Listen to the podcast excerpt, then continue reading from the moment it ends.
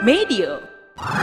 Halo, kamu sedang mendengarkan Kilas Kabar Nusantara. Podcast persembahan KG Radio Network menyajikan berita harian yang mengangkat keunikan dari berbagai wilayah Indonesia. Kilas Kabar Nusantara dapat juga didukung oleh pengiklan loh.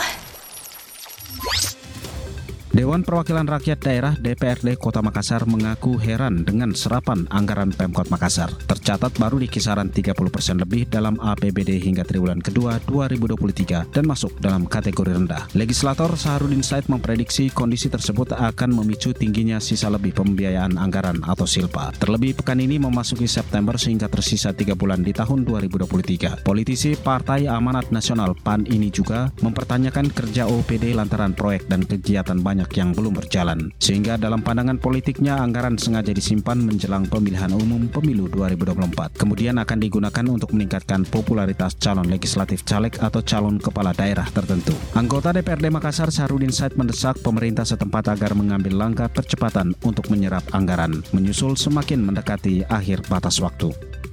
Mengantisipasi tingginya harga beras, Bulog Sulutgo menyalurkan 20.000 kg beras melalui operasi pasar murah di pasar tradisional Manado. Penyaluran beras dilakukan melalui program Siap Jaga Harga Pasar Stabilisasi Pasokan Harga Pangan atau SIGAP SPHP. Dalam operasi pasar itu, Bulog menyalurkan beras SPHP ke 33 kios dengan total jumlah penyaluran sebanyak 20.000 kg. Muhammad Yasir, manajer OPP Bulog Sulutgo mengatakan, beras medium SPHP ukuran 5 kg di disalurkan ke pedagang pengecer agar masyarakat bisa membeli langsung dengan harga eceran tertinggi Rp9.450 per kilogram. Operasi pasar dilakukan untuk mengantisipasi masa paceklik dan menstabilisasi harga beras di pasar. Bulog juga mengimbau masyarakat tidak panik karena ketersediaan stok beras masih aman. Menurut Nancy Dandel, salah seorang pedagang beras, harga beras yang saat ini tinggi membuat beras SPHP Bulog diburu oleh warga. Operasi pasar murah rutin digelar oleh Bulog Sulut Go untuk menstabilkan harga beras di tingkat konsumen sehingga dapat dijangkau masyarakat.